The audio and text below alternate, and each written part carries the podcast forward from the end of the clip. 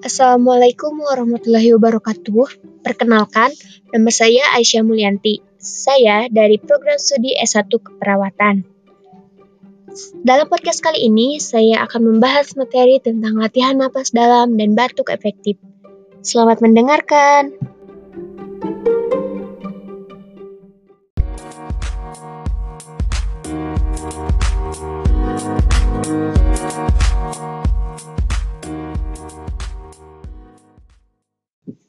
Pertama adalah latihan napas dalam. Latihan napas dalam adalah bernapas dengan perlahan dan menggunakan diafragma, sehingga memungkinkan abdomen terangkat perlahan dan dada mengembang penuh.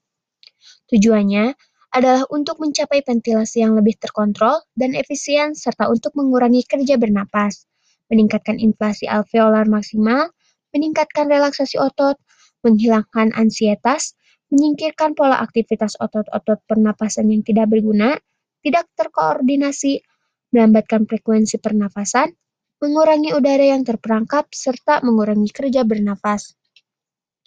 Indikasinya, pasien dengan nyeri. Yang kedua, pasien dengan hipoventilasi. Yang ketiga, pasien dengan peningkatan produksi sputum. Keempat, pasien dengan mobilisasi sekret tertahan. Yang kelima, pasien neurologi dengan kelemahan umum dan gangguan menelan atau batuk. Prosedur kerja yang pertama adalah tahap prainteraksi, yaitu mengecek program terapi dan mencuci tangan. Kedua adalah tahap orientasi, yaitu memberikan salam dan menyiapkan nama pasien, menjelaskan tujuan dan prosedur pelaksanaan, menanyakan persetujuan atau kesiapan pasien. Ketiga adalah tahap kerja. Tahap kerja dimulai dengan pertama, menjaga privasi pasien. Yang kedua, mempersiapkan pasien.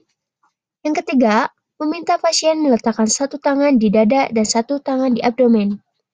Selanjutnya, melatih pasien melakukan napas perut, yaitu dengan cara menarik napas dalam melalui hidung hingga tiga hitungan.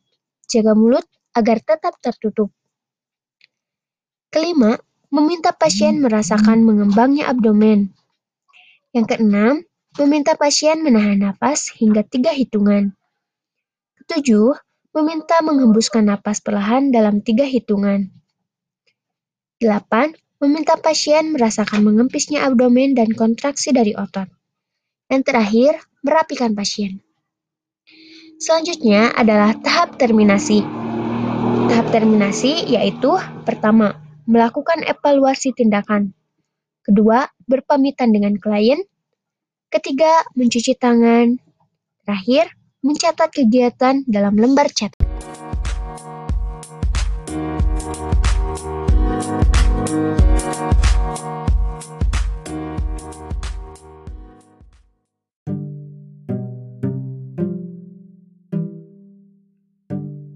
Yang kedua, yaitu latihan batuk efektif.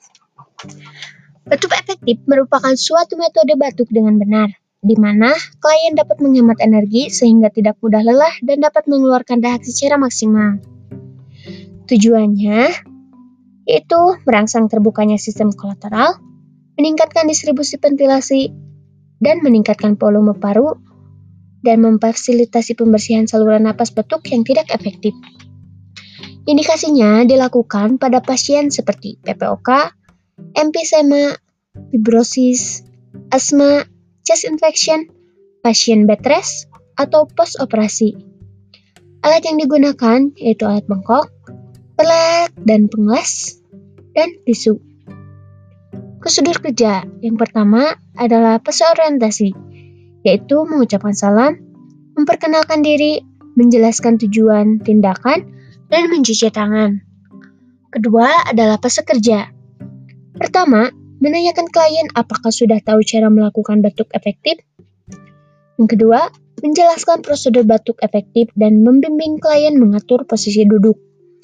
Yang ketiga, meminta klien meletakkan satu tangan di dada dan satu tangan di abdomen.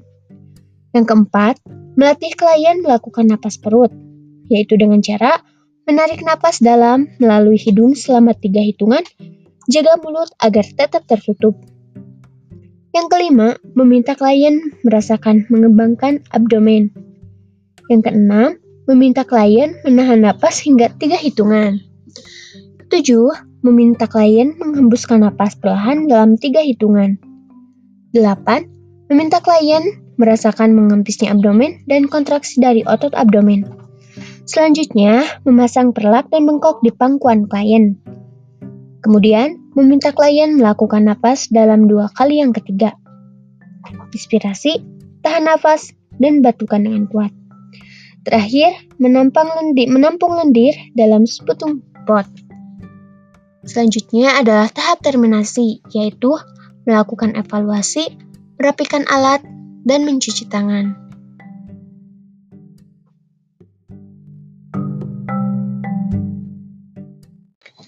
Demikian pembahasan secara singkat tentang podcast latihan napas dalam dan latihan batuk efektif. Sampai berjumpa kembali pada podcast learning selanjutnya. Wassalamualaikum warahmatullahi wabarakatuh.